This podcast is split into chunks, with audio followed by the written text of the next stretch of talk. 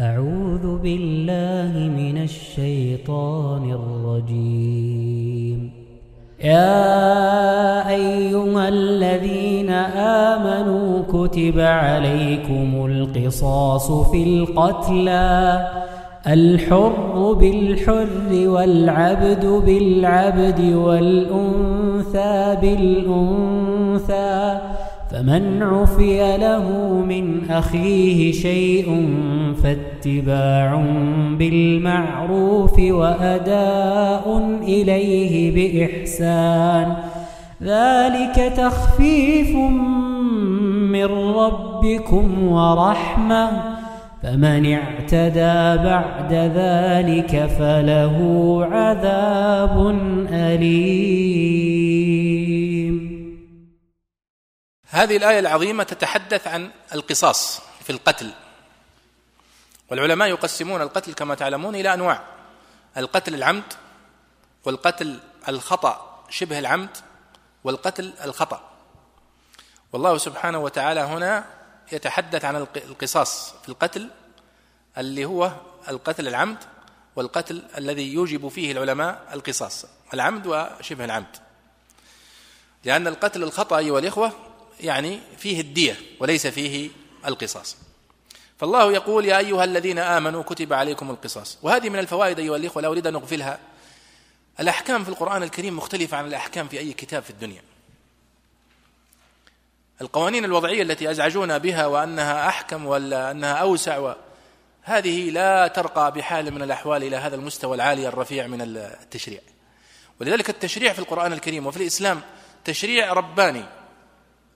ليس تشريع وضعي كما نسميه نحن تشريع بشري. بشر يشرع لبشر. لكن الله سبحانه وتعالى عندما شرع لعباده شرع لهم أشياء ما يحلم الإنسان أنه أنها تشرع له. ولذلك لاحظوا كيف أنه سبحانه وتعالى في هذه الأحكام الغالب في أحكام القرآن ليس فيها عقوبات. حتى بعض الأحكام العظيمة في القرآن الكريم مثل أكل مال اليتيم على سبيل المثال. إن الذين يأكلون أموال اليتامى ظلما إنما يأكلون في بطونهم نارا وسيصلون سعيرا. طيب الآن لما تجي تطبق الذي يأكل مال اليتيم ماذا نصنع به؟ نجلده نسجنه نقطع رقبته ماذا نفعل به؟ ما في حكم. ولكن الله توعده بجهنم. إنما يأكلون في بطونهم نارا وسيصلون سعيرا. فتلاحظون كيف أن الله ربط ربطا شديدا في القرآن الكريم بين الأحكام وبين العقوبات الأخروية.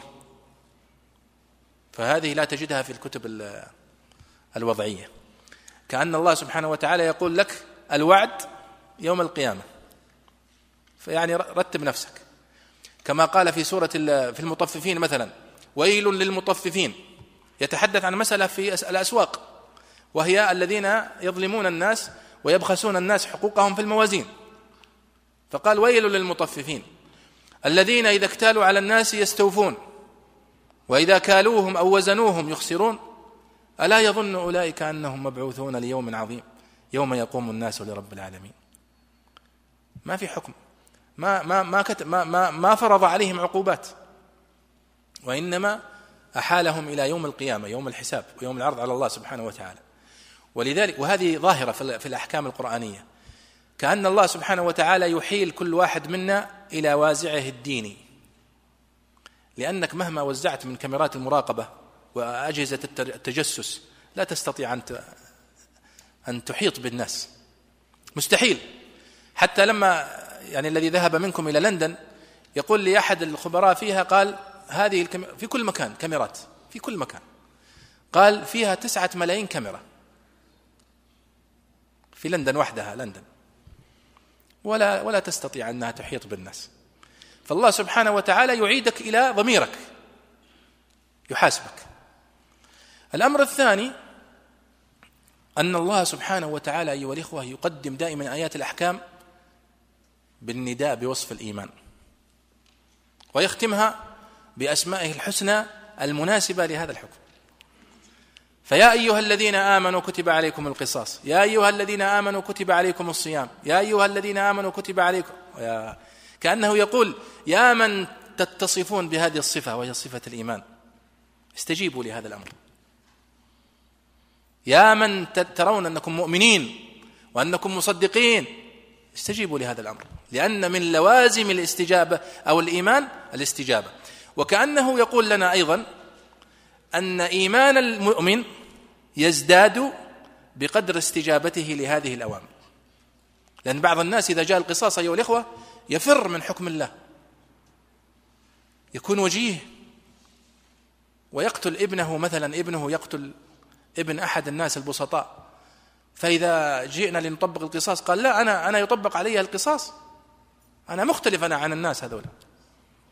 ولذلك النبي صلى الله عليه وسلم عندما سرق أحد بني مخزوم وهم قبيلة خالد بن وليد رضي الله عنه وكان رجل شريف فقبل أن ترفع إلى النبي صلى الله عليه وسلم أرادوا أن يبحثوا عن شفاعات. بلغت إلى النبي صلى الله عليه وسلم.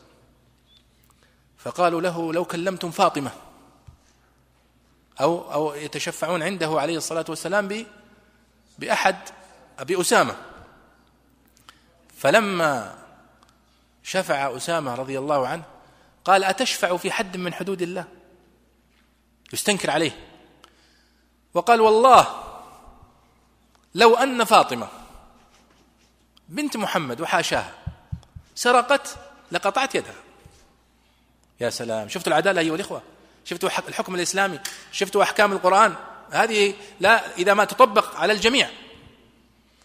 قال إنما أهلك بنو بني إسرائيل أنهم كانوا إذا سرق فيهم الشريف تركوه وإذا سرق فيهم الضعيف أقاموا عليه الحد. أيوة. ولذلك ربط الله سبحانه وتعالى الأحكام كما تلاحظون ربطها بالإيمان. لأن لا يصح الإيمان إلا إذا استجبنا. فلا وربك وستأتي معكم هذه الآية العظيمة في سورة المائدة قال الله فلا وربك لا يؤمنون. أو سورة النساء حتى يحكموك فيما شجر بينهم. ثم لا يجدوا في أنفسهم حرجا مما قضيت. ويسلموا تسليما. هذه أحكام القرآن. الاستجابة الفورية لحكم الله سبحانه وتعالى ولأوامره. هذا هو الانقياد وهذا هو الاستسلام. الله سبحانه وتعالى هنا في, في آية القصاص يقول كتب عليكم القصاص في القتلى. الحر بالحر والعبد بالعبد والأنثى بالأنثى. ما فيه؟ يقتل القاتل بمن قتل. حر قتل حر يقتل يقتل به. عبد قتل عبد يقتل به. أنثى قتلت أنثى يقتل بها. المفسرون في التفاصيل قالوا طيب افرضوا أن عبدا قتل حرا يقتل به. عبدا قتل حرا أكثر الفقهاء على أنه يقتل به وبعضهم قال لا يقتل به وستأتي. والله سبحانه وتعالى قال في الآيات ولكم في القصاص حياة يا أولي الألباب وهذه الآيات من أعظم الآيات بلاغة ودلالة. على أنه لا يمكن أن يستقر للمجتمعات أيها الإخوة الأمن والطمأنينة إلا إذا شعر الجميع بالعدل. أما إذا شعر جزء من المجتمع أنه يظلم أو تهضم حقوقه لصالح فئة من الفئات فإنها لا يمكن أبدا أن تستقر وسوف تنتقم وتشتعل الثارات فيما بين الناس كما كان في الجاهلية وكما يحصل في أي مجتمع. إذا فقد العدل لأن بعض الناس يقول هذا كان في الجاهلية. الجاهلية ليس التاريخ مضى أيها الإخوة. الجاهلية هي اختلال الموازين تعيدك إلى الجاهلية مباشرة وتعيشها واقعا. نقول من أحكام هذه الآيات أيها الإخوة حتى لا نطيل. ذهب الجمهور أيها الإخوة إلى أنه لا يقتل المسلم بالكافر. إذا قتل مسلم كافرا فالجمهور من العلماء الفقهاء يرون أنه لا يقتل مسلم بكافر وإنما تدفع لهم الدية كما ذكرها الله سبحانه وتعالى. ومن فوائد هذه الآيات استيفاء المثل الذي لم يجعل لأحد ممن أوجب عليه أو على وليه أن يفعل بالجاني أكثر مما فعل. كيف؟ يعني القصاص هي كلمة عامة. فمثلا من جرح رجلا فإن له أن يقتص منه. بمثل جرحه. وأما طبعا طبعا هذا فيما دون القتل. وأما القتل فكما ذكر الله سبحانه وتعالى. يقتل به. ومن فوائد هذه الآية أيها الإخوة كما ذهب الجمهور إلى أنه يقتل الرجل بالمرأة. يعني الرجل إذا قتل المرأة. الجاهلية لم تكن تقيد للرجل من المرأة أو تقيد للمرأة من الرجل. بمعنى أن الرجل إذا قتل المرأة فإنهم لا يطلبون قصاصا والإسلام يطلب ذلك لأن المرأة كالرجل في هذا. ومن فوائدها أيضا أيها الإخوة الحث على العفو. الله سبحانه وتعالى قال فمن عفي له من أخيه شيء فاتباع بالمعروف. فهذا أمر وتحبيب في العفو. وأن هذا يعني يعتبر فضل ممن عفا وأصلح. كما قال الله فمن عفي له من أخيه شيء فاتباع بالمعروف وأداء إليه بإحسان. فالله سبحانه وتعالى أمر من عفا أن يعفو بنية طيبة. وليس كما يفعل الناس ويتفاخرون في زماننا هذا. يقول أنا سأعفو بس أعطوني خمسين مليون. أو أنا أعفو ثم أعطوني عشرين مليون. ويجلسون الناس يجمعون. أعتقوا الرقبة ويجعلون هذا عتق رقبة. فغال الناس في ذلك وحصلت مفاسد أعظم. ولو أقيم عليه حد القصاص لكان كما قال الله سبحانه وتعالى خيرا لنا وأنفع وأقطع لدابر الفتن وأكثر اجتثاثا لدابرها. يعني هذه هي أبرز أيها الإخوة الفوائد التي يمكن أن تستنبط من هذه الآية على على الاختصار يعني.